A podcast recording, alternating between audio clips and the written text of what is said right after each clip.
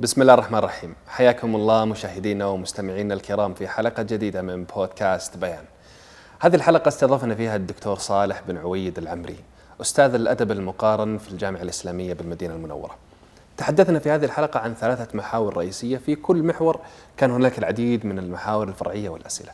بداية تحدثنا عن الأدب المقارن وتجربة الدكتور في الارتحال إلى الخارج لدراسة الأدب المقارن. ثم تحدثنا عن مقارنة بين الأدب العربي والأدب الأجنبي أو العالمي وكيف يمكن أن تكون هنالك أهمية لهذا الأمر. ثم انتقلنا للحديث عن الهوية في الشعر السعودي. تحدثنا عن الهويات الكبرى الثلاث وكذلك أسهبنا في الهويات الصغرى. ثم تحدثنا عن ما هي مظاهر وجود هذه الهويات الكبرى أو الصغرى في الشعر السعودي. وأخيرا انتقلنا للحديث عن الشاعر المثقف. وفكرة أن الشاعر يريد أن يكون أكثر من مجرد شاعر بل يكون شاعر ومثقف. ما هي المظاهر لهذا الأمر؟ ما هي مثالب هذا الأمر ومساوئه؟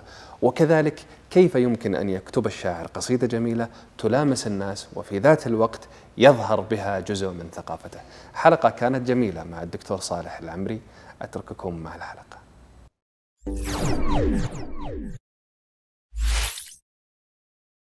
حياك الله دكتور. يا مرحبا يا مرحبا. سعيد والله بتواجدك معي اليوم في حلقة بودكاست. بي. الله يسعدك أبو أصيل. أنا أسعد بهذه الضيافة وسعيد بالحوار معكم. الله يرضى دكتور ودي أول شيء نتكلم عن رحلة شخصية. آه شخصية أكاديمية بين الشرق والغرب.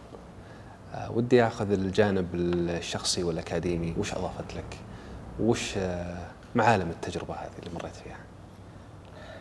والله يعني جميل إن الواحد آه، إحنا بنبدأ شخصي على طول بعدين نخلي الأشياء أقول جميل إنه يعني يبتعد عن الشخصية الا إلا معكم لكن في هذا في هذا الموضوع موضوع الأدب آه نحن دخلناه عشاقا.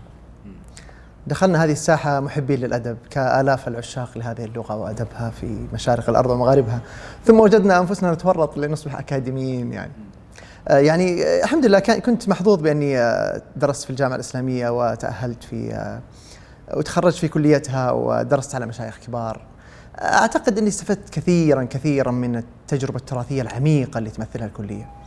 آه وكنت أيضا محظوظ بأني زملت طلاب من كل العالم الإسلامي تقريبا كل العالم.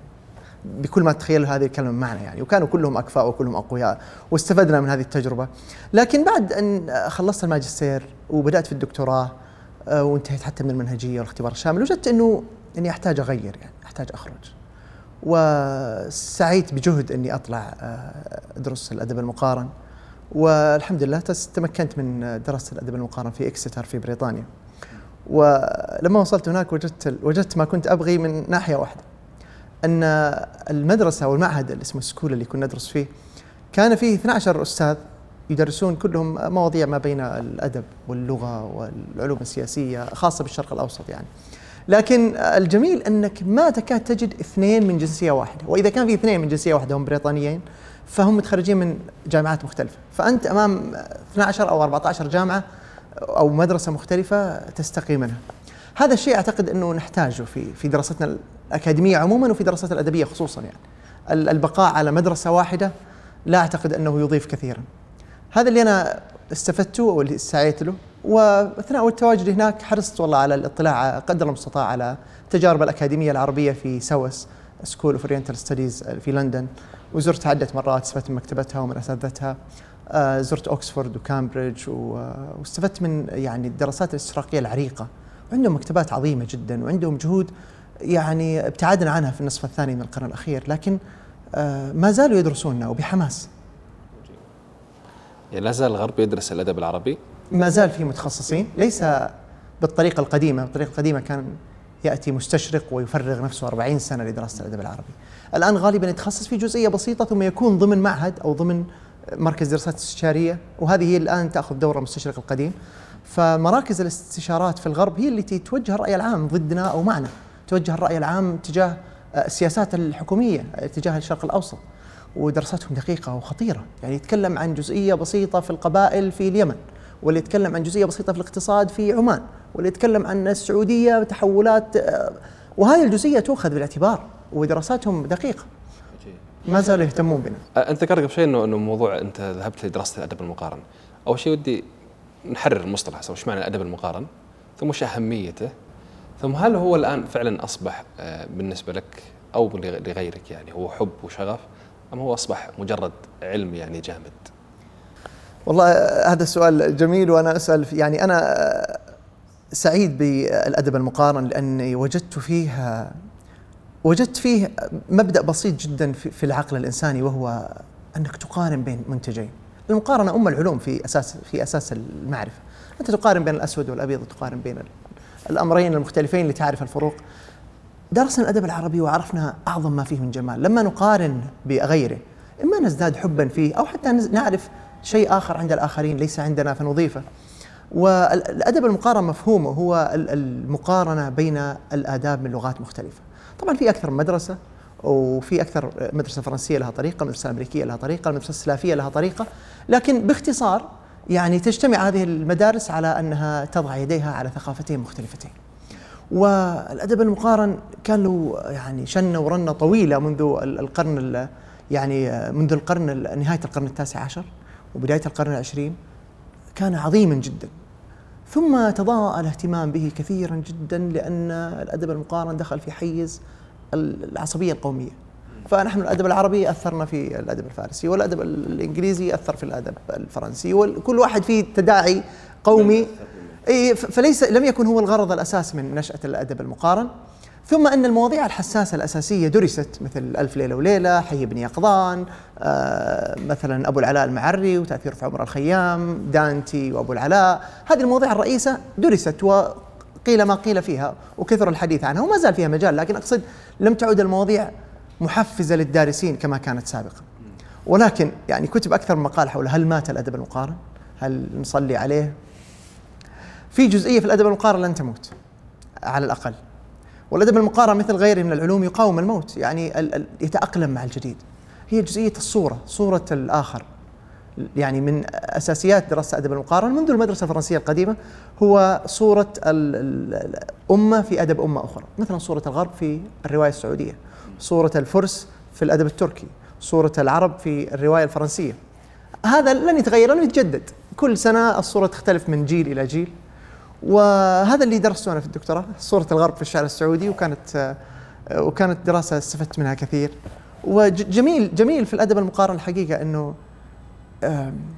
الأجمل في الأدب المقارن إنه يحسسك بقيمة ما عندك أحيانا بعد أن تمر أجيال دون أن يعرف الناس قيمته. مثلا رسالة الغفران لأبي العلاء المعري. حقيقة كانت يعني مهملة إن صحت العبارة أو أنها على الأقل كان ينظر لها على أنها رسالة إخوانية من رسائل المعري. رسالة غريبة. بعضهم كان يعني الذهبي قال فيها إن لم تخن الذاكرة آه، فيها تجديف أو كذا. قال يعني قال فيها عبارة من هالنوع. ولما جاء المستشرقون أو عفوا لما جاء أول مستشرق إسباني عام 1919 وكتب عن علاقة دانتي الكوميديا الإلهية برسالة الغفران بدأ الالتفات من جديد رسالة الغفران. وهذا ما ذكره كليتو بلمحة ذكية جدا. قال أنا لا أقول أن دانتي. أن أبو العلاء أثر في دانتي. ولكن أقول اننا أن دانتي وهو متأخر عن أبي العلاء ب 200 سنة هو اللي أثر في أبي العلاء لأنه أصبحنا ما نستطيع نقرأ رسالة الغفران دون أن نستحضر الكوميديا الإلهية و لأن قيمة الكوميديا الإلهية في الثقافة الأوروبية الحديثة قيمة أساسية ومحورية والحديث عنها يطول. آه أعلى من قيمة رسالة الغفران طبعا طبعا ومعترف فيها يعني, يعني آه لأنها هي التي أعطت الشرعية للغة الإيطالية كان الناس يكتبون في اللاتينية قبلها.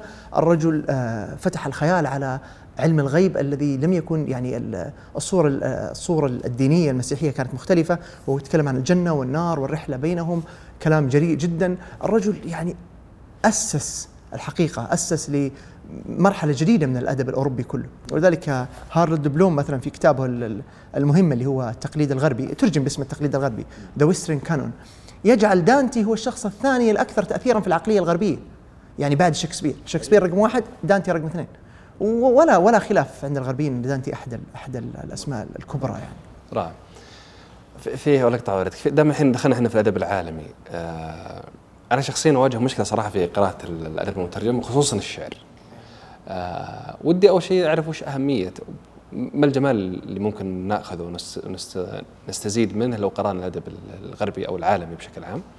ثم لماذا نجحت ترجمة الرواية مثلا وترجمة الشعر كانت أقل نجاحا؟ الجاحظ شيخنا كان يقول إن الشعر لا يترجم. يعني كان كان يقول إن الشعر لا يترجم وكان رأيه إن الشعر إذا ترجم يفقد يفقد معناه ويفقد طلاوته ويفقد جماله وهذا كلام صحيح تماما. آه، بل إن العرب آه، لما بدأوا فتحوا على الثقافة اليونانية ترجموا آه، الفلسفة اليونانية تقريبا بلا بلا تحفظ حتى ما كان مخالفا منها للإسلام. ترجموا آراء أرسطو وسقراط والمدينة الفاضلة وترجموا أشياء كثيرة. وناقشوها وأضافوا إليها وحفظوا هذا التراث أصلا ووصل بسببهم إلى العالمية، يعني بعض التراث الذي فقد في أصل اليوناني وصل عن طريق العرب. ولكنهم لم يترجموا الشعر اليوناني وهذا غريب. ومن الأسباب التي قيلت أنهم لم لما ترجموه ما رأوا لذته واللي هو مثلا الياذا ولا الانياذه حقت آه، فرجيل ولا الياذا حقت هيروميس آه، يعني ما وجدوا لذة الشعر هذا تأويل له والتأويل الآخر قيل أنهم يعني لم يترجموه لأنه كان مليء بالأساطير والآلهة وحروب الآلهة التي رأوا أنها تخالف تخالف عقيدة المسلمين ولا تضيف للمسلمين شيئا. المهم أن العرب لم يترجم الأدب اليوناني. فهو يواجهنا يعني يعيدنا المشكلة الأساسية أن الشعر إذا ترجم يفقد طلاوته لأني أعتقد حقيقة أن سحر الشعر في استخدامه للغة. صحيح المعاني التي فيه عظيمة والأفكار التي فيه مهمة جدا بدون فكرة ما يكون فيه شعر لكن بدون لغة عظيمة نفقد مركب الشعر للوصول إلى الناس. ولذلك بعض الشعر إذا ترجم يكون جميل أو على الأقل مقبول ولكنه أقل بكثير من مستواه في في لغته الأصلية. آه بينما هذا الحال ليس في الرواية. الرواية حكاية يعني هي في النهاية فكرة قصة. فإذا رزقت بمترجم على الأقل يرويها بلغة سلسة فإنك لن تفقد التواصل مع الحكاية من البداية. ولن تفقد هذه اللذة التي وجدها القارئ في لغته الأصلية في الغالب. ومع أنهم ومع هذا يقولون مثلا أن الذي يقرأ لباولو كويلو بالإيطالية ليس مثل عفوا بلغته البرازيلية آه، ليس مثل الذي يقرأ له بالمترجم والذي يقرأ ل آه، لمثلا آه، شكسبير باللغة الإنجليزية ليس مثل الذي يقرأ له بالعربية. يعني يعني اختلاف الرواية. بل أزيدك من الشعر بيت. إذا ترجم الشعر وجدته جميلا فأعلم أن في خيانة وراء الشعر يعني وراء هذه الترجمة. في خيانة كبيرة يعني. أنا سمعت لقائك مع الدكتور أحمد الشهري واستفدت منه كثيرا الدكتور أحمد إنسان رائع مع أني ما عرفت إلا من خلال اللقاء. لكن لكن أشار إلى ترجمة محمد إقبال مثلا. دواوين محمد إقبال. ترجمة رائعة لكني أنا مع أني لا أفهم الأردية لا أشك أنها أنها يتلاعب يعني. بعيد. هذه الأستاذ الشعر العربي ترجمة أحمد رامي لرباعيات الخيام.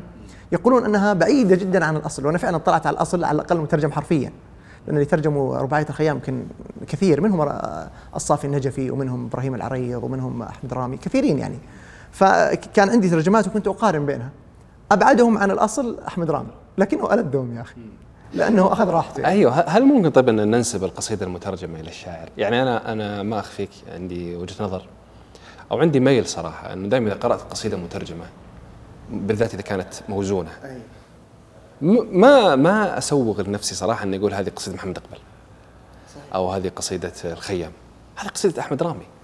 صح إنه استلهم معانيها من الخيام أو هذاك المترجم أظن الهويريني اللي ترجم محمد أقبال. استلهمها من محمد أقبال. بس في النهاية هو هو لابد انه يكون حط فنه ولمسه. روحه ولغته وفنه. إيه، فحرام إني انسب القصيده هذه اللي للشاعر الأصل وأنسى حتى من يعني كثير من من يقرأ رباعيات الخيام. ما يدري إن أحمد رامي أصلا ترجمها.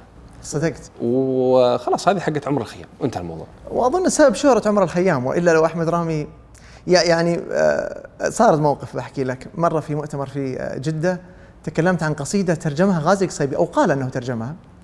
آه، يقول إهداء لصاحبة القصيدة التي سمحت لي بترجمتها ولصديقي الذي كتبت له هذه القصيدة. طيب يعني واضح أن المشهد هم طلاب في أمريكا وواحدة شاعرة باللغة الإنجليزية كتبت قصيدة لصاحب القصيبي والقصيبي عجبته القصيدة. القصيدة جميلة موجودة في في ديوانها أحد دواوينها الأولى على كل حال.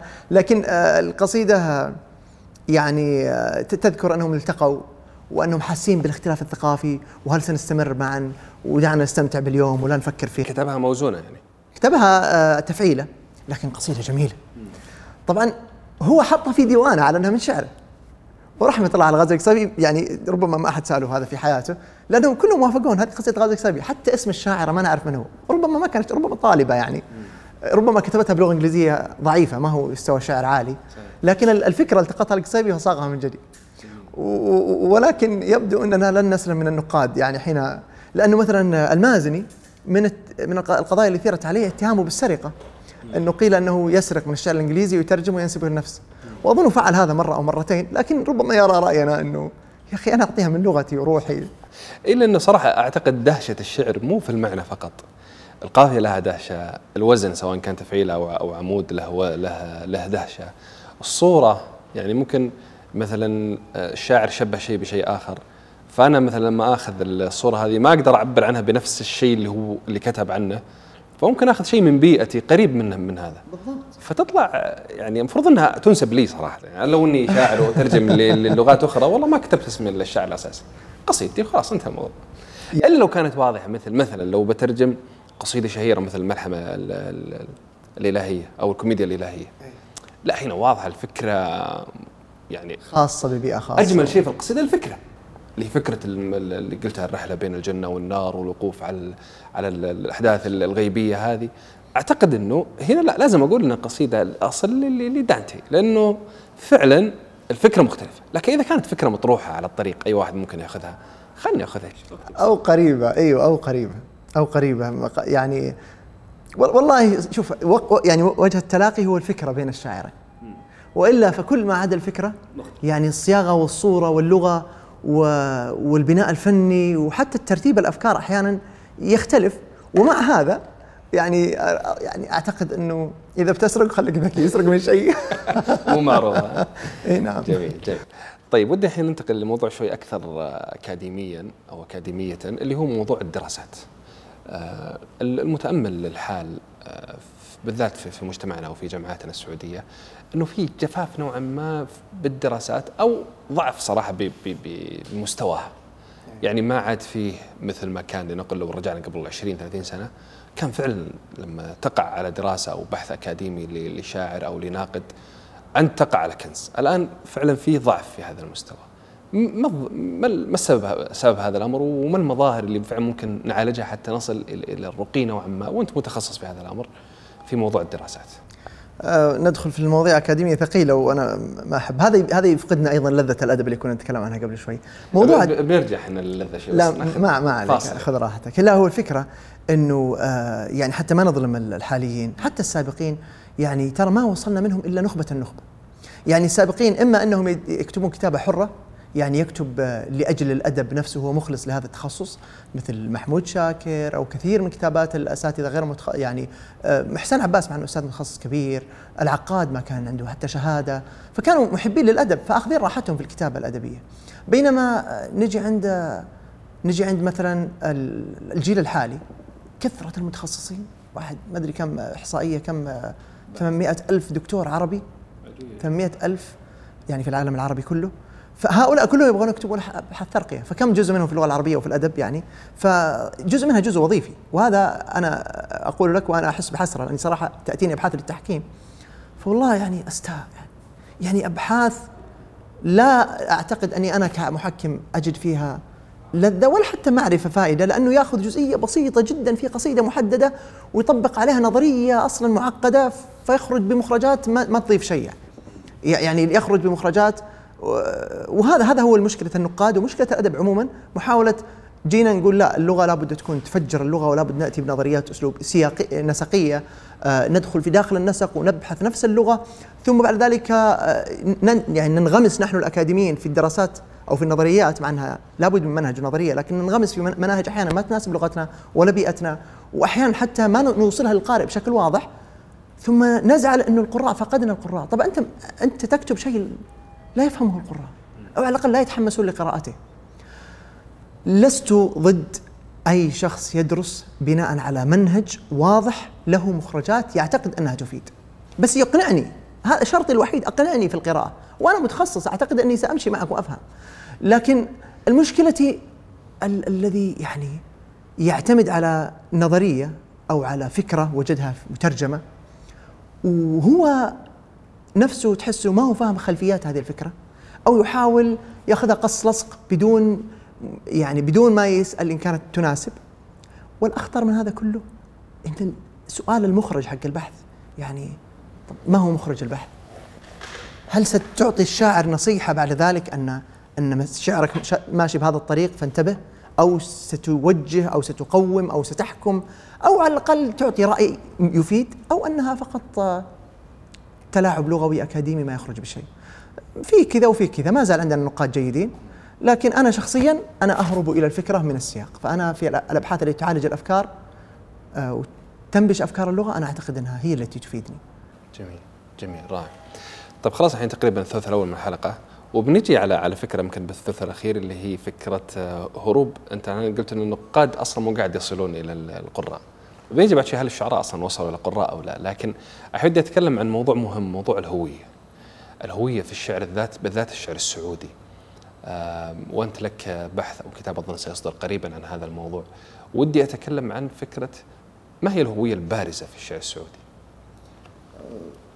لي أكثر من بحث ولعل إن شاء الله تصدر في كتاب قريبا إن شاء الله على بال ما يعني المستمعين ما أدري متى تصدر الحلقة لكن إن شاء الله قريبا يعني يجدونها بينهم الكتاب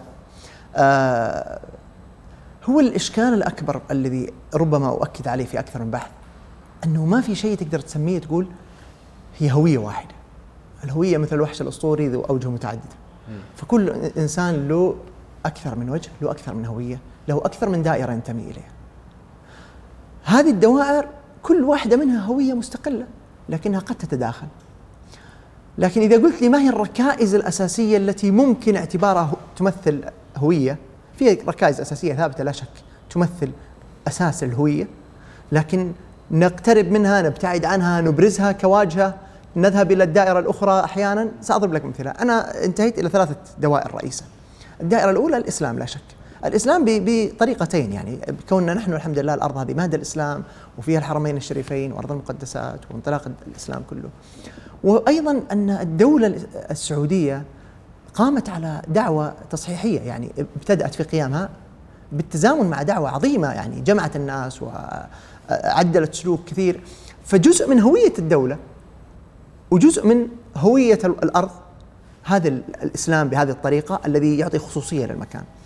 فالإسلام بهذا الفهم يعتبر أساس في في ركيزة الدولة كنت أسمع واحد يتكلم عن الشيخ حمد الجاسر رحمة الله عليه فيقول يقول يعني حمد الجاسر لم يتخلى عن هو كان يحط بين قوسين وهابيته في طول مسيرة حياته رغم انشغاله بالتراث وعلاقاته الهائله وهذه هذه اللي يسميه هو الوهابية هو هو جزء من الهوية الدينية التي تمثل الجاسر وكل يعني ربما غالب أو كل شعراء أو أدباء هذا المكان. طيب هذا الجزء الأول اذا قلنا الهوية الدينية بهذا المفهوم. الأمر الثاني العروبة أو اللغة باعتبارها باعتبارها ركيزة العروب اللغة التي تجعلك تشعر أنك وريث للجاحظ الذي مات في العراق. وأنك وريث للأدب الأندلسي الذي مات في آلاف الكيلومترات بعيدا عنك أو انتهى هناك. وكل من يكتب بالعربية هو يصب عندك. يعني اللغة بهذا المفهوم هي حمولة ثقافية هائلة وصلتك من قرون ومن أماكن كبيرة تصب عندك. فاللغة هنا ركيزة هوية أساسية. الأمر الثالث هي الصحراء بمفهومها الثقافي وليس الجغرافي. الصحراء بالمفهوم اللي أطرحه ليست هي تلك البقعة الجغرافية ذات الصفات الجغرافية المعروفة وإنما أتكلم عنها كبيئة خلقت أنماط معيشية صور اجتماعية. مثلا القبائل بهذا التشكيل القديم الذي جاءت عليه الدولة قبيلة فلان وقبيلة فلان والقبائل لها أفخاذ ولها أفرع وكل واحد يعرف قبيلته ومساراتها. ترى ما كان لها أن تكون هكذا إلا لأجل الصحراء، لأنه بهذه البيئة القاسية ما تعيش القبيلة، ما تعيش لن يعيش الفرد، لابد من تكتلات قوية تحميه. القيم التي مثلتها الصحراء قيم عظيمة، الكرم مثلا. قيمة عظيمة عند البدو. من أعظم القيم، اسوء شيء يعني يتهم الرجل بالبخل. لماذا؟ يعني أكيد إن هذا الحمد لله صفة عظيمة من صفات الكرم اللي تميز بها العرب. الصفات الكريمة اللي جاء الاسلام تعزيزها، لكن أيضا لأنه بدون الكرم ما في ضمان للحياة في الصحراء، تخيل واحد يقطع الجزيرة من شرقها لغربها ولا من شمالها لجنوبها. لولا هذه القيمة المؤكدة عليه والاتفاق الضمني بين الناس كان يموت. يهلك. ما في ما في فنادق ولا في مطاعم ولا في يعني آه، سوق يمشي معه. لابد من هذه. المهم إن الصحراء خلقت الشجاعة وخلقت الكرم خلقت عادات. فالصحراء واللغة والإسلام عندي انهم الركائز الثلاث التي تدور حولها الهوية. طيب آه وش انعكاس هذه الركائز في في شعر الشعراء السعوديين؟ جميل. أجمل ما في الموضوع أننا لما نراقب مراحل الشعر السعودي نجد أنه في تحولات. مرة يقدمون الإسلام مرة يقدمون القومية مرة يقدمون الوطنية باعتبار السعودية هوية آه، يعني كبرى الآن. آه لكن آه مثلا بضرب لك مثال. بدايات الشعر السعودي في الخمسينات والأربعينات والستينات الماضية نجد نجد شعراء مثل إبراهيم فلالي مثل عبد الله بن إدريس في قصائده الأولى مثل نجد عبد الله بن خميس. الشعراء يعني الجيل الأول إن صح التسمية من الشعراء وفي قبلهم يعني كانت لغة القومية واضحة عندهم. وضياء الدين رجب محمد حسن عواد في لغة قومية واضحة في القصائد. واضح أنهم يعتزون بأنهم عرب وأنهم يفخرون بانتصارات العرب. لكن بعد أن عام 67 بعد عام النكسة كما يسمى طبعا انكسرت القومية. إضافة إلى أن العداء الكبير الذي آه، مثله عبد الناصر على الدولة ورفع رأي التضامن الإسلامي بالمملكة هنا وصعود يعني الوعي الإسلامي صارت هوية إسلامية. ووجدنا الإسلام هو الطاغي على القصائد. عبد الله بن إدريس أنا درسته يعني تحولت الهويه في شعره. ما بين القومية إلى الإسلام ويعني مثل حرب 73 الحرب أكتوبر اللي انتصر فيها العرب له قصيدة جميلة فيها. آه، لكن هذه القصيدة تمجد الاسلام الإسلام باسم الإسلام انتصرنا. والله أكبر ونحن الذين يعني نصرنا الله ولا شك استمر هذا النغم. لذلك نجد آه، شعراء تقريبا كل طرحهم إسلامي. وهذا كثير يعني صارت الصوت الإسلامي عالي جدا. لكن بعد حرب الخليج آه غازي القصيبي بالمناسبة من الذين نشأوا في على الدعوة القومية وظهرت القومية لأنه كان شاب صغير وكان معجب بالقومية وظهرت في شعره. حتى إنه مثلا يخاف على القومية لما يتكلم عن آه إنه زار متحف للهنود الحمر فكان يقول هل نرى العرب في متاحف مثل ما الهنود الحمر يعني خايف على إنه العرب ينقرضون. لكن بعد 1990 بعد حرب الخليج جدنا غازي القصيبي يظهر بهوية مختلفة. أجل نحن الحجاز ونحن نجد لنا مجد هناك لنا مجد هنا وهناك مجد. ونجد يعني غازي القصيبي وغير غازي القصيبي يعني إبراهيم العواجي مثلا نجد كثير من الشعراء الذين كتبوا في تلك المرحلة. واضح أنهم يعززون أن نحن الآن نعتز بهويتنا الوطنية السعودية، فكانت فرصة رائعة لظهور هذه الهوية. وما زالت هوية طبعا متسيدة، المهم إنه هذه هذه لعب الهوية إن كل مرحلة تحس إنك تظهر بالوجه اللي يناسبها. ولا تتناقض على كل حال. تفضل. طيب آه، هذه بالنسبة للركائز الأساسية والهويات الكبرى. هل في هويات صغرى منثورة في في في الشعر في الشعر السعودي أو لدى الشعراء السعوديين غير هويه الهويات الثلاثة الكبرى اللي ذكرتها؟ إيه هذه الثلاث أسس للهوية. أنا أعتقد أنا يعني في الهويات الصغرى آه، ولعلي يعني تجرأت في هذا المسمى لكن أقصد فيه أن الهوية الوطنية تكون هوية مظلة عامة كبرى وداخل هذه الهوية الوطنية تجد كل واحد يهتم بمنطقته. مثلا عندنا شعراء يهتمون بمنطقة المدينة ومنور يوسف الرحيلي مثلا أبدع في الحديث عن المدينة تقريبا له ديوان كامل عن المدينة وما في المدينة وروعة المدينة وأحد وتستحق المدينة أكثر لا شك. جاسم الصحيح وشعراء الأحساء وجاسم عساكر تلقى الأحساء والنخيل و شعراء جيزان الشباب ظاهرة جيزان عندهم فرسان عند إبراهيم مفتاح. في في نوع من الانتماء لهذه الأماكن لكنها هويات صغرى باعتبار أنها كلها تصب في في تحت مظلة الوطن يعني. رائع رائع طيب أه بنتقل إلى إلى فكرة معينة أنت ذكرتها في أحد دراساتك اللي هي البداوة. باعتبارها هوية لكنك جعلتها هوية متخيلة. أي نعم. رغم أننا لما نرى يعني المجتمع بشكل عام نجد أنه لا يعتز ببداوته ويعتقد أنه نحن لازلنا يعني بين قوسين بدو حتى يوم صارت قبل فترة يعني هجمة من يعني بعض الإعلاميين على السعودية بكونهم أو السعوديين بكونهم بدو كان فيه الهجمة المضادة مو إحنا لسنا بدو لا نحن بدو ونعتز بأننا بدو. نعم. وش فكرة أن البداوة هوية متخيلة؟ ذكرتني لما طرحت الموضوع هذا حتى في تويتر يعني بعض الإخوة اعترضوا وظن أنه كيف تسلبنا البداوة وهل ترى لا مو هذه الفكرة.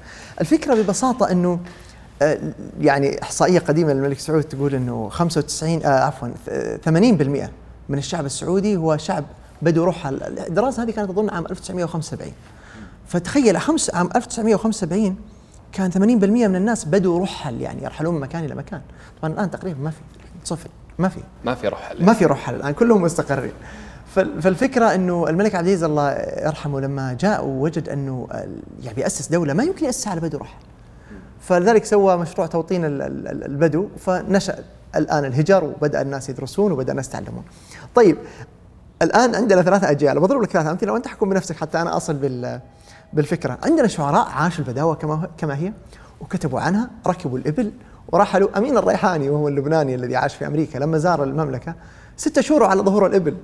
تخيل من الاحساء إلى الرياض وبعدين من الرياض الكويت كلها على ظهور الإبل. يعني إحنا ما نقدر نركب هذا محمد بن عثيمين رحمة الله عليه محمد بن بليهد وهؤلاء هذين الشاعرين. يعني نموذجين لشاعرين من الشعراء الفصيح الذين عاشوا البداوة فعلا. يعني هؤلاء إذا وصفوا قال لك نرحل فهو فعلا يصف الناقة كما هي ما يدعي. لكن نتجاوز هذا كله. طبعا بن عثيمين إحنا نقصد الشاعر وليس الشيخ. إي نعم الشاعر نستخلط يعني. صحيح. الشاعر له قصيدة مشهورة على وزن على وزن بهية أبو تمام. إي في يمدح الملك عبد العزيز. كان يقول العز والمجد في الهندية القطب لا في الركا لا في الرسائل والتنميق للخطب. لا يبلغ المجد إلا ذو ندى ووغن. هما المعارج للأعلى من الرتب ومشمعل. أخو عزم يشيعه قلب صروم إذا ما هم لم يهب. الله. شاعر رائع. الله الله. وله بيت جميل في نفس القصيدة اللي يقول مقدم في المعالي ذكره آه لا ولا هذه كنونية كما يقدم بسم الله عنوانه. له له قصيدة ثانية في الملك عبد العزيز آه لكن هو شاعر عظيم مع أنه اعتزل الشعر ترى في آخر حياته يعني. وهو من الشعراء العلماء بالمناسبة. يعني عالم أيضا نعود إلى هذه الحقبة أو المرحلة الأولى قلت أنه فعلا كانوا رحل أي بدو هؤلاء يمثلون حقيقة. لكن إحنا نتكلم عن, عن يعني ما بعد شعراء الألفين هم الذين تناولتهم في الدراسة. الآن نتساءل يعني ما الذي بقي من البداوة عند الشاعر الفصيح؟ ما الذي بقي من البداوة؟ البداوة بحثت وتقصيت وجدت الشعراء حريصين على إظهار البداوة. يعني عندنا شعراء مثلا تكاد البداوة توجد في كل أشعاره مثل خليف الغالب. عندنا الشتيوي الغيثي أيضا البداوة ظاهره عنده. سلطان السبهان كثير الحضور. وعندنا المطلق الحبردي وعندنا فيصل الجبعة وعندنا أسماء كثيرة من الشعراء الرائعين الذين يعني آه، الحقيقة رجعوا البداوة بقوة. لكن لما تقرأ أشعارهم تجد أن البداوة لها ثلاث صور. إما البدو الذين يعانون آه، فيصل الجبعة أظن له قصيدة يعني يتكلم عن آه، محبوبة أو غزلية القصيدة خلينا نقول. يقول يا بنت نبع الماء من لبن الصحارى والقفار. كفاني سمراوان آه، كفاني بيضاوان آه، تحت ظنان آه، كفين لوحهما اسمرار أو كذا يعني ما بخرب البيت لكن على كل حال إنه يقارن بين الغبار والصحراء وبين بين نبع الماء والنعيم والخضرة. ويعني مطلق الحبردي يا أخي على جفون الهوى نبكي بلا مقل من فرط ما حنت الصحراء للإبل. مهجرون إلى تيه تقول لنا الصحراء تقول لنا الصحراء آه، موتوا حيث لم نقل. آه، القصيدة عظيمة صراحة مؤلم قصائد مطلق مؤلمة وتحسها بمعاناة يكتبها. يعني أنا ما أبغى أخرب هذه القصائد بسوء ذاكرتي لكن لعلها موجودة في البحث وموجودة أيضا في النت. فمطلق له قصائد كثيرة يعني البداوة الباكية المعانية. وهذا متصور أن البداوة دائما حياة صعبة. بينما الصورة الثانية نجدها عند شعراء آخرين مثل سلطان السبهان وغيره الذين يصفون الصحراء دائما أو البدوي أو البداوة عموما بأنها هي الأطهر والأنقى والأنظف والأصفى مثل بيت خليف الغالب طهور حبنا كحديث بدو تساقوا عند قهوتهم قصيدة أو كذا. يعني يعني نوع من الطهورية في البدو. ولعل هذا المعنى هو الأكثر بروزا لأن هذا المعنى المضمر في كل القصائد حتى اللي فيها معاناة. لأنه يعني كأنه يقول إنه البدو لا يستحقون هذه المعاناة. نصل للهويه اللي أنت سأل عنها اللي هي الهوية المتخيلة. لأن العهد طال ولأن هؤلاء الشعراء شباب ولم نعيش البداوة نحن. هذا الجيل لم يعيش البداوة. وآبائنا يروون عن ذكرياتهم في طفولتهم. نحن نشأنا في حضارة ونعيم ولله الحمد. ف فالبداوة عندنا زي الذكريات. ولأن الذاكرة مثقوبه ولأنها تتساقط. نجد أنه ما يبقى من هذه الذكريات إلا ما يشبه الأساطير أجمل ما فيها مع أنها كانت معاناة وعذاب وتعب. يعني خلاصة تجربة تجدها عند مثلا محمد عبد الباري. محمد عبد الباري يعني مع أنه شاعر سوداني له ابن البيئة وعاش هنا. والقصيدة هذه قصيدة البدو يقول لي أنه كتبها في رماح. يعني هذه الديرة الجميلة. فتخيل هو الرجل عاش في البادية حتى يحس بالتجربة. فيقول القصيدة اللي تعرفها اللي يقول فيها آه ولدوا في طفولة الأرض قلة. ثم سالوا كما تسيل الأهلة منذ دهرين والقوافل حبلى باسمهم والسرى يطارد ظله. إلى أن يصل لمعنى أسطوري. طبعا أيوة يستعيذون حول الضيافة والكرم وكذا. لكن المعنى الأسطوري فيها تجد مثلا في حين يقول كلما تاه في البرية نجم صار يتلو خطاهم وكي يدله. شايف الأساطير؟ كيف تحول البادية هؤلاء إلى أساطير؟ لا يتيهون والدروب مجاز في مجاز مظلة في مظلة بينهم والجناس. ألف بينهم والرمال ألف جناس أغفلته البلاغة المختلة. آه، هذا هذا البدوي يعني اللي يقرأ هذه يتخيل البداوة بصورة أسطورية عظيمة جدا. فهنا تأتيني الفكرة التي ابتدأت فيها البحث وأنه كلما تساقطت الحقائق ملأها الخيال. فنحن نملأ يعني آه، تصورنا عن ال- البداوة بخيالنا عن البداوة. فتظهر البداوة عظيمة خيالية أسطورية وهنا تصبح البداوة متخيلة. ولذلك أعتقد أن الأجيال التي بعدنا ستصبح البداوة فيها أكثر أسطورية وأكثر خيالا. جميل جميل. طيب بس دكتور خلني بناقشك في هذا المحتوى يعني أو في هذا المحور. آه في موضوع فكرة انه إنه البدايه متخيلة. قد يكون فعلا استناد الشاعر على مثل ما قلت على ذاكرة على مرويات لكنه في النهاية هو فيه مبدأ أو أساس لهذه الفكرة هو حولها إلى أساس إلى فكرة أسطورية. لكنها موجودة نوعا ما يعني في في ذاكرة الإنسان البدوي. ثم أعتقد إنه جزء كبير من هذه البداوة الأسطورية مبنية على القيم والأخلاق أكثر مما هي مبنية على على مظاهر فقط. قيمة الكرم قيمة الصبر قيمة حتى قيمة النقاوة والصفاء اللي ذكرتها. فأعتقد إنها لها مسوغ أن تكون بهذه الصورة الأسطورية المتخيلة. يجعلها فعلا مقبولة ومستساغة وجميلة حتى. بالعكس هو هذا هو اللي يعطيها الجمال. بس أنت لاحظ أنك الآن أخذت أجمل ما في البداوة وتركت يعني مظاهر أخرى سلبية قد تكون مثل العصبية القبلية مثل الحروب مثل الموت على قضايا هامشية. آه، يعني مثل حتى أحيانا المشاكل ال- التي بين القبائل أو بين القبيلة نفسها وبين العائلات. على الزعامة إلى آخر الأشياء التي غير هي غير إيجابية. نحن تخلصنا من كل هذه الأشياء التي هي واقع معاش واخترنا أجزاء جميلة وعظيمة نتفق عليها لكن حولناها بها تتحول هكذا تصنع الأساطير. يعني ما يبقى إلا أجمل ما في الموضوع. ليش إحنا نقول إيش يقولون الزمن الجميل ولا الطفولة؟ لأنه ما نتذكر إلا أجمل ما فيه وليس لأنه هو جميل أصلا. أنا قاعد أحاول أبرر موقفي عشان بعدين إذا أحد بيزعل يزعل عليك لحالك يعني بدون لا يزعل علي. طيب جميل. آه ودي الحين خلصنا الحين تقريبا المحور الثاني. والمحور الثالث؟ بس تسمح لي أختم آه نختم المحور هذا بالتأكيد على أن البداوة هي هوية. يعني لا شك أن أن هؤلاء بدو وأن هوية لهم لكن لكن ليست هي البداوة القديمة. هي هي الآن ارتباطهم بالبداوة هو ارتباط شعوري وليس ارتباط حقيقي. جميل. فارتباط الشعوري هذا أكيد إنه بيبقي لهم القيم العظيمة وبيبقي لهم الاعتزاز بالروابط الأسرية والاعتزاز بالقبيلة وهذه كلها ظاهر جيدة والحمد لله إيجابية وليست سيئة جدا. ليست سيئة ابدا. لكن هي الفكرة إنه هذه ليست هي البداوة ال- الفعلية على الأرض. جزء من البداوة. هذا ما بقي من خيال جميل. البداوة. جميل. رائع. طيب آه ال- ال- الفكرة الحين بتكلم عنها شوي فكرة برضو جدلية فكرة الشاعر المثقف. آه انت جعلت انه إنه مفهوم الشاعر الثقافة الآن في الشعر أصبحت مفهوما طبقيا ما ما المقصد بهذه الفكرة؟ كيف إن الثقافة أصبحت مفهوما طبقيا في الشعر؟ والله يا أخي هذه فكرة جميلة لكنها إحنا نبغى مؤلمة نثير شوي. الجدل شوي هي يعني الفكرة هي ببساطة أنه الثقافة سبحان الله لها مفهومين مفهوم عمودي ومفهوم أفقي على الأقل هذا الذي خرجت فيه أنا يعني وأرجو أن يكون يعني يكون إضافة لأحد لأحد من القراء فالفكرة أنه الثقافة ك- كاسم كمصدر هي مفهوم أفقي يكاد يتوسع توسعت. إحنا لو قلنا إيش الثقافة؟ لو تكلم عن أحد ما هي الثقافة؟ تجد إن مف- مفهوم واسع. قبل خمسين سنة خرج باحثين ب 160 تعريف. 160 تعريف هذا قبل ست- 60 سنة. الآن كم وصل التعريفات؟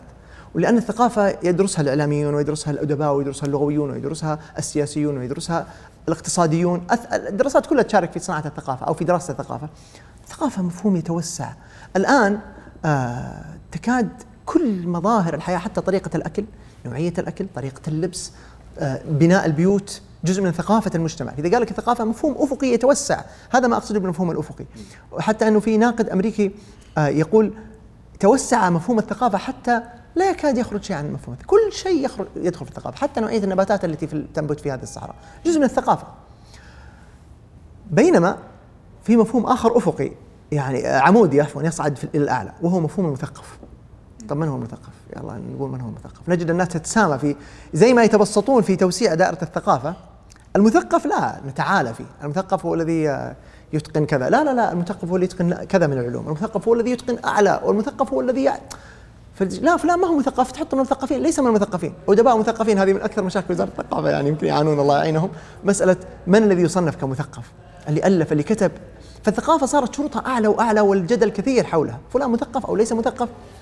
لكن لا نخرج يعني على الأقل نتفق أن هناك مفهوم نخبوي. نتفق على أن هناك مفهوم نخبوي للثقافة. نقول إنه إنه يعني متفقين على أن من وصف بالمثقف فإنه يعتبر نخبة عن غيره من الناس. طيب. بهذا المفهوم تصبح الثقافه تقسيم طبقي للناس. فلان أعلى ثقافة وفلان مثقف وفلان قليل ثقافة وفلان ما عنده ثقافة. ونجد أن رواد معارض الكتب ولا القراء كلهم يدورون حول هذا السياق. أنا أبغى أصير مثقف. ولا حدود لهذا لأنه في سلم لا نهاية له. ان تصعد تصعد إلى ما لا نهاية. الثقافة بهذا المفهوم مفهوم طبقي يقسم الناس. هذا الذي أقصده. أرجو اني وصلت المعنى. جميل. طيب دام الحين خلصنا إلى مفهوم الثقافة وانها إنها طبقية وتقسم الناس. الفكرة أنه أحيانا آه، الشعراء كما ترى يعني إن الشعراء السعوديين أو الشعراء المعاصرين بشكل عام يخلطون بين الثقافة والأدب يعني ما معنى الخلط هذا وهل فعلا في مشكلة أصلا من خلط الثقافة؟ أنا يمكن أمزح مع زملائي وأحبائي الشعراء أقول لهم يعني هم ما يرضون إنه يكون شاعر كأنه ما يحب إنه يكون شاعر فقط يبغى يكون شاعر ومثقف. الغذائي مرة يطرح في احد أبحاثه يقول هل في الفن في الفن شيء غير الفنية؟ يعني هل هذا سؤال جميل في بداية كتابه النقد الثقافي. هل في الأدب والشعر شيء غير الفن والإبداع؟ والجمال. نحن الذي جاء بنا الإبداع والجمال هذا الذي جاء بنا هذا الذي رحب بني عبد الله ابو أصيل الشاعر ولا حببني محمد عبد الباري ولا جاسم الصحيح ولا غير من الشعراء المبدعين. أنا أحب هذا هذا هذا هذا المعنى. ولكن هل في شعره شيء غير؟ وفي أكيد أشياء كثيرة. لكن الذي لفت, لفت انتباهي أن الشعراء خاصة بعد 2005 و2010 يمكن كثير من الدواوين صارت تظهر بمظهر ثقافي. مظهر يحاول الشاعر يقنعني فيه أنه مثقف يعني وش وش المظاهر اللي اللي تقول إنها آه، يعني استقيت من هذه الفكرة انه الشاعر يحاول يظهر أنه مثقف؟ خلني أقف على ثلاثة مظاهر أساسية وأشوفها غريبة وصارت شبه لازمة عند بعض الشعراء. مثلا أول شيء آه، عندنا آه، عندهم في شيء في الدراسة النقدية يسمونه العتبات. جيرار جينيت العتبات اسم الشاعر من العتبات، عنوان الديوان من العتبات، عنوان القصيدة من العتبات، النص الذي يسبق القصيدة، هذه هي العتبات التي قبل الدخول إلى حلبة القصيدة. فنجد أنه أول ما يواجهنا اسم الشاعر ولا لا يزعلون مني زملائي يعني أحبائي الشعراء. بدون ذكر أسماء. لكن لكن لكن كثير من الشعراء يعني يحب يظهر باسمه الفردي واسم والده أو يأتي باسم آه، قبيل قبيلة آه، يعني فاخذ خلينا نقول صغير ما حد يعرفه. لا ينتمي إلى القبيلة الكبيرة وهم أنا لا شك عندي أنهم يعني يعتزون بقبائلهم وهي قبائل عظيمة لا شك عندي في ذلك ابدا. لكن هي الفكرة إنه هو ربما يرى إنه اسمه آه، يعني زي الماركة فيختار اسم آه، جاسم الصحيح يعني من أجمل الشعراء وأعظم الشعراء اللي يعني زي المتنبي لما قال آه, آه، إيش؟ آه وبنفسي شرفت لا بجدودي لا بجدودي ممكن. لكن جاسم الصحيح أول ديوان ظهر له اسمه جاسم أحمد يعني ما أبغى أخطي باسم شاعرنا حبيب لكن هو لعله باسمه الرباعي جاسم أحمد أظن محمد الصحيح. بينما دواوين الأخرى جاسم الصحيح لأنه صار ماركة خلاص جاسم الصحيح هو يستحق. آه ولعل الشاعر من هنا يبحث عن هذا الاسم. ربما يخرج من حمولة القبيلة الكبيرة إنه القبيلة مهما كانت محملة يعني أبغى أبغى لا أبغى أتيهم باسمي بنفسي بدون ما يحكموا علي بأي حكم مسبق. خليهم يقرؤوني بدون ما يعرفون من أنا ويصنفوني. وهذا هذا تفكير ليس خطأ. لكن هذا جزء من مظاهر يعني التسامي خلينا نقول. لأنه حتى أدبائنا الكبار طه حسين محمود شاكر وغير من الأسماء الكبيرة لا, يعني يختفي الأسماء القابعة عندهم يكتفون بالاسم واسم الأب. لكن المظهر الأبرز خلينا نقول انك قبل لا تدخل القصيدة تجد مقولة لنيتشه ولا مقولة لجوته ولا مقولة لزرادشت ولا مق... يعني تحس إن المثقف وش الشاعر المثقف ذا اللي اطلع على تراث؟ وانتقل عبارة من وسط وعبارة غريبة يعني ما هي مألوفة ما يجيب لك عبارة عادية. قال جلال الدين الرومي يحط لك بين قوسين. والله احيان كثيرة ما تجد علاقة أصلا بي يعني علاقة واضحة بين المقولة والنص. أصلا وش فكرة هذه؟ يعني أنا أطلع فعلا الدواوين الأخيرة يعني بالذات اللي تفوز بجوائز وكذا. يعني أصبح كأنه شرط من شروط ان الديوان يفوز بجائزة إنه كل القصائد يكون قبلها عتبة سطر سطرين آه، مقولة أو شيء. رغم إنه فعلا مثل ما ذكرت أحيانا ما يكون لها ارتباط. وش وش السر في هذا؟ هذا اللي أنا فسرته بأنه إظهار لعلو الكعب الثقافي. الكعب عالي أنا كعبي عالي أنا أنا مطلع أنا ما هو بس شاعر ترى أنا مبدع صحيح وشاعر قبل أدخل ترى لازم تعرف إني مثقف. يعني أنا أمزح معاهم بهذه المقولة لكن هي فعلا صارت لازمة. لجأ عند كثير من الشعراء وأنا أشرت إليها في البحث. لكن المظهر الثالث. آه، لكنها مظهر طريف يعني. هو مظهر طريف مع إني أنا أستفيد منه لكن صراحة أقول يا أخي أنا اشتريت الديوان عشان أستمتع بالشعر عارف إنك مثقف. وحتى ما نتجاوز والمظهر الثالث وبعدين نرجع لنقطة مهمة. المظهر الثالث إنه العنوان النص. عنوان النص الفصيح. يا أخي كثير من الأحيان يكون صادم يا أخي. معقد. رمزي. أحيانا يربطك بشخصية تاريخية غير معروفة. يعني آه، محمد بن كناس. أنت قد تبحث من محمد بن كناس. ويجيك هامش تحت إنه هو فلان وفلاني الذي لم يمدح احدا قط. يجيك قصيدة باسم آه، شخص غير معروف تبحث تجده شخص. من ثقافة أخرى مقاتل في بيئة أخرى أو اسم لأسطورة. أسطورة بهذا الاسم. أسطورة أفروديت. أسطورة آه، كذا. وهذه هانيبال. آه، يعني آه هانيبال أنا قرأتها في ديوان يعني قصيدة كذا اسمها. فأنت تبحث هانيبال من هو طب معليش يعني هانيبال معروف أو على الأقل يعني بعضهم مشهور بعضهم غير مشهور. أحيانا تجي كلمة مترجمة. يعني سوناتا ثم يقول لك سوناتا باللغة كذا هي النغمة الموسيقية. أو يقول لك آه بلغه كلمة روسية. يعني يقول لك كذا ومعناها تعال باللغة الروسية. وك... طيب عرفت إنك تعرف لغات الله يرضى عليك. يعني يعني يكفي هذا. يعني يعني هذه ثلاث مظاهر تجدها في الشعر الفصيح ودليلي على هذا أني وضعت مقارنة مرجعية في علم الجودة يحطون مقارنة مرجعية. فمقارنة مرجعية خلتها مع الشعر الشعبي الشعر العامي. الشعر العامي يعني هم شعراء من نفس البيئة الشعراء الفصيح والعامة من نفس البيئة. وهم شعراء يعني كلاهما يمتلك موهبة وكلاهما يعني يبدع وكلاهما لكن الشعر العامي ما, ما يلجأ إلى هذه المظاهر ابدا لأنه يخاطب جمهور هو لا يحتاج إلى إقناعه بهذا الشيء. فما تجد الشاعر العامي يفاجئ جمهوره بهذه العناوين بينما تجد الشاعر الفصيح يعني يلجأ إلى هذا. مع بختم بس بجزئية بسيطة وهي إني لا شك عندي عفوا لا شك عندي على الإطلاق أن الشاعر الفصيح هو شاعر مثقف بالضرورة.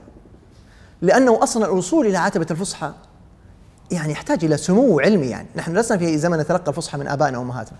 لابد نتعلم ونقرأ ونحفظ شعر المتنبي والمعري وفلان والقدماء المحدثين. فالشاعر الفصيح أصلا ما يصل إلى عتبه الفصحى إلا وقد اطلع فهو مثقف عندي بالضرورة. أنا فقط عتبي أو ملاحظتي أنه هو يحاول إظهار هذه الثقافة.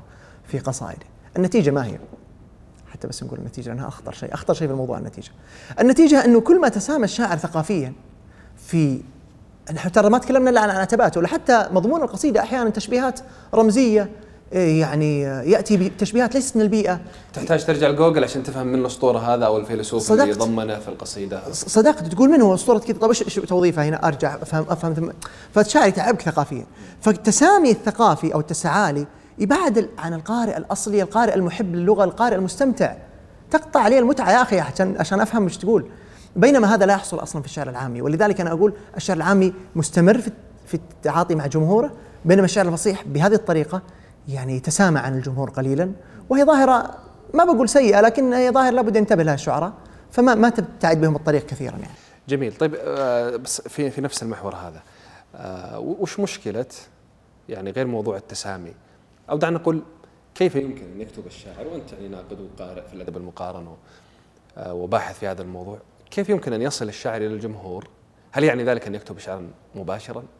ولا لا في خلطة مثلا معينة ممكن يلجأ إليها الشاعر بدون لا يكون فعلا مثل ما قلت متساميا أو دعنا لا أقول متسامي متعالي نوعا ما على الجمهور. يحاول أن حتى تفهم ما أريد ان أنا أقول يجب أن تكون قرأت الكتاب الفلاني أو بحثت عن صدقت. عندك المعلومات الفلانية. صحيح. وكيف اصل إلى الجمهور يعني بطريقة فعلا دعنا نقول شعرية أو ادبيه يا أخي تعرف ما هو السحر اللغة؟ يعني يقول الشعراء سحرة وبعضهم يقول الشعراء أنبياء وبعضهم يقول الشعراء عندهم جن وشعراء أرض عبقر. إنه الشاعر قا... الشعر والإبداع الفني قائم على المفاجأة. يا عبد الله يفاجئني بقصيدة بنفس اللغة نفس المعاني اللي أعرفها أنا وياه لكن يطلع علي بطريقة أنا لا أعرفها لا أعرف كيف صنعها. فهذه المفاجأة هي التي تسمح للشاعر ب... يكون حر. فلذلك ما في وصفة تقدر تقول تقول أنه الشاعر يعني هي اللي تجعل الشعر هذا جميل أو لا. لكن في شروط أساسية التي تربطني بك كقارئ أنت لا تكتب لنفسك أنت اكتب لي. فلذلك لا تفقد الذوق الذي بيني وبينك. لا تجعل الذوق في مؤخرة اهتماماتك. ولذلك النقد الذي يفقد الذوقية آه يعني يفشل يصير نقد علمي جداول وخطوط. رياضيات. ورياض ما تفهم ذكر عشر مرات ال- المفردة الفعل الفلانية. والحرف والإشارة المسند المسند إليه. فتفقد الجمالية فيه هارولد بلوم اللي ذكرنا قبل قليل يقولون أنه كان آخر النقاد الجماليين وكان مقاتل بروعة عن الجماليات. فهو هو له كتاب بالمناسبة اسمه قلق التأثير يقول أنه الشاعر يحاول أن يخرج من ربقة الشعراء الأقدمين ب- بمحاولة ال- الخروج من عباءة الأقدمين ب- بخلق معاني جديدة من نفس الأدوات وهذا التحدي. نفس أدوات اللغة ربما من نفس الصور لكن يحاول أن يخلق شيء ليس بعيدا ولكنه أيضا ليس مطابقا. فشرطي أو إذا كنا بنخرج بوصفة أنه الشعر الذي لا يفقد صلته بالقارئ. حتى وإن لم يفهمه القارئ مئة بالمئة لكن يفهم منه ما يحبه وقد يفهم منها الناقد شيء أعمق. وقد يعني الشاعر شيئا أعمق مما يفهمان كليهما. فالشاهد مما نقول أنه المتنبي الآن مثلا آه، أو الجواهري أو آه، أي شاعر عظيم. يا أخي المتنبي كان نموذج عظيم. تقرأ شعره فتستمتع وتجد ناقد يخرج لك من بيت تقول وين؟ والله ما فهمت. قرأت قصيدة عشر مرات ولا فهمت هذا وليس خطأ ما فهمه الناقد. بس لأن في عمق زايد آه، خرج به الناقد. بس انت لما قرأت البيت استعذبته وأعجبتك وعجبتك الصورة. نعم، ذائقتي. مم، جميل جميل. طب في هذا هل نقول إن الشعراء تأثروا مثلا ب يعني أنا ممكن أذكر أسماء مثلا يعني من الشعراء دعنا نقول العرب اللي قبل الجيل هذا مثلا أدونيس محمود درويش. فعلا أعتقد من هنا كانت بداية الشعر ال- دعنا نقول ال- البارز فيه موضوع الثقافة. بارز فيها الاساطير يعني محمود درويش ما بالذات النصف الثاني من شعره أو الثلث الأخير من شعره كله رموز وأخيلة وتحتاج ترجع فعلا جوجل تبحث عن من هذا الأسطورة اللي ذكره عشان تفهم الفكرة. وحتى لما تعرف الأسطورة تقعد تحاول تفهم ليش وظفه هنا يعني ويكون فيها صعوبة أو ادونيس أو غيره هل نقول إنه فعلا عندنا الشعراء الشباب تأثروا بهذه المرحلة؟ أم، آه، ذيك المرحلة كانت مختلفة، ذيك المرحلة لها شروط ثقافية وكان في دعوة قوية للحداثة، بل كان في تهميش لغير الحداثة. يعني كان الحداثة طاغية وقوية و... و... ولذلك يعني انجرف لها حتى الشعراء الذين يكتبون بالفصحى بشكل رائع وعظيم، يعني ظهر عندنا شعراء يكتبون بالفصحى ثم يلجؤون إلى إلى ال- هذه الأساليب لإثبات أو على الأقل تبني مسائل تفجير اللغة ومسائل آه الخروج. بمعاني جديدة. بدون ذكر أسماء آه، تلك المرحلة كان في ضغط معين ضغط حتى ثقافي يعني حتى الجوائز ما كانت تعطى ابدا لأي شاعر تقليدي يعني كان في تهميش إعلامي إلى حد ما. فلذلك آه، ما إن شاء الله ما نكون دخلنا في حق الالغام لكن على كل حال تلك الفترة كان لها شروطها الثقافية وكان لها كانت في ضغط كبير. آه، في فترة أنا أقدر أسميها تعريف القارئ بالأساطير اليونانية. وهي فترة وجدتها أنا عند محمد حسن عواد مثلا في بعض قصائد يعني قصيدة كاملة في أسطورة أفروديت ولا في أسطورة إيزيس ولا يعني أسطورة معينة يكتب قصيدة كأنه يقول القارئ هذه قصة هذه- آه، بعد الجيل اللي بعده وجدنا توظيف لهذه الأسطورة. آه مثلا عبد الوهاب البياتي الشاعر العراقي. يعني في قصيدة له أذكر يقول سأحمل الصليب في قصيدة عن الثورة الجزائرية. سأحمل الصليب سنفعل كذا. فأذكر ناقد يقول إيش تحمل الصليب؟ ترى ثوره اسلاميه ضد الفرنسيين، منين جبت الرمز هذا؟ يعني رمز غير ملائم للبيئة. فالفكرة انه إنه في ذلك الجيل نعم ظهر أثر كبير وربما بقاياه ما زالت مؤثرة لكني آه، أعتقد أن الجيل الحالي رجع رجوع جميل جدا على يد كثير من الشعراء الرائعين إلى القصيدة العمودية أو إلى القصيدة ال- ال- ال- القريبة من القارئ خلينا نقول بعموديتها وتفعيلاتها قصيدة قريبة وممتعة وموسيقية رائعة جدا يعني آه، أرجعت أرجعت القيمة لهذه القصيدة من وجهة نظري أنا كقارئ وكناقد لكن مع هذا ما زال بعض الشعراء يعني بأسباب أخرى غير أسباب ذلك الجيل آه، أعتقد أنه يحاول إثبات ذاته ثقافيا من هذه الطريقة. وربما بعضهم يتأثر بقراءاته الفلسفية، ربما بعضهم يتأثر بمعيشته خارج المملكة، تأثر بثقافات أخرى. جميل آه، أنا دخلتك حق الالغام أنا أعتذر لك يعني. آه، دكتور آه، كانت حلقة جميلة ورائعة. وشاكر لك دكتور صالح إجابتك الدعوة واتمنى أن كنا يعني خفيفين عليك ما ثقلنا في الأسئلة. الله يكرمك، أنا اللي أتمنى يكون حديث خفيف عليك وعلى الإخوة المستمعين. آه، يعني كنا اخذين راحتنا في الحديث. ونتكلم بتلقائية فإن شاء الله يكون مفيد و... شكرا لكم على الاستضافة وشكرا على لبيان وشكرا لجميع الإخوة اللي خدمونا دكتور والشكر كذلك لكم مستمعينا ومشاهدينا الكرام على متابعة الحلقة. كما أشكر آه، مؤسسة الجاسرية الإنسانية على رعايتهم لبودكاست بيان وأترككم على خير. والسلام عليكم ورحمة الله وبركاته.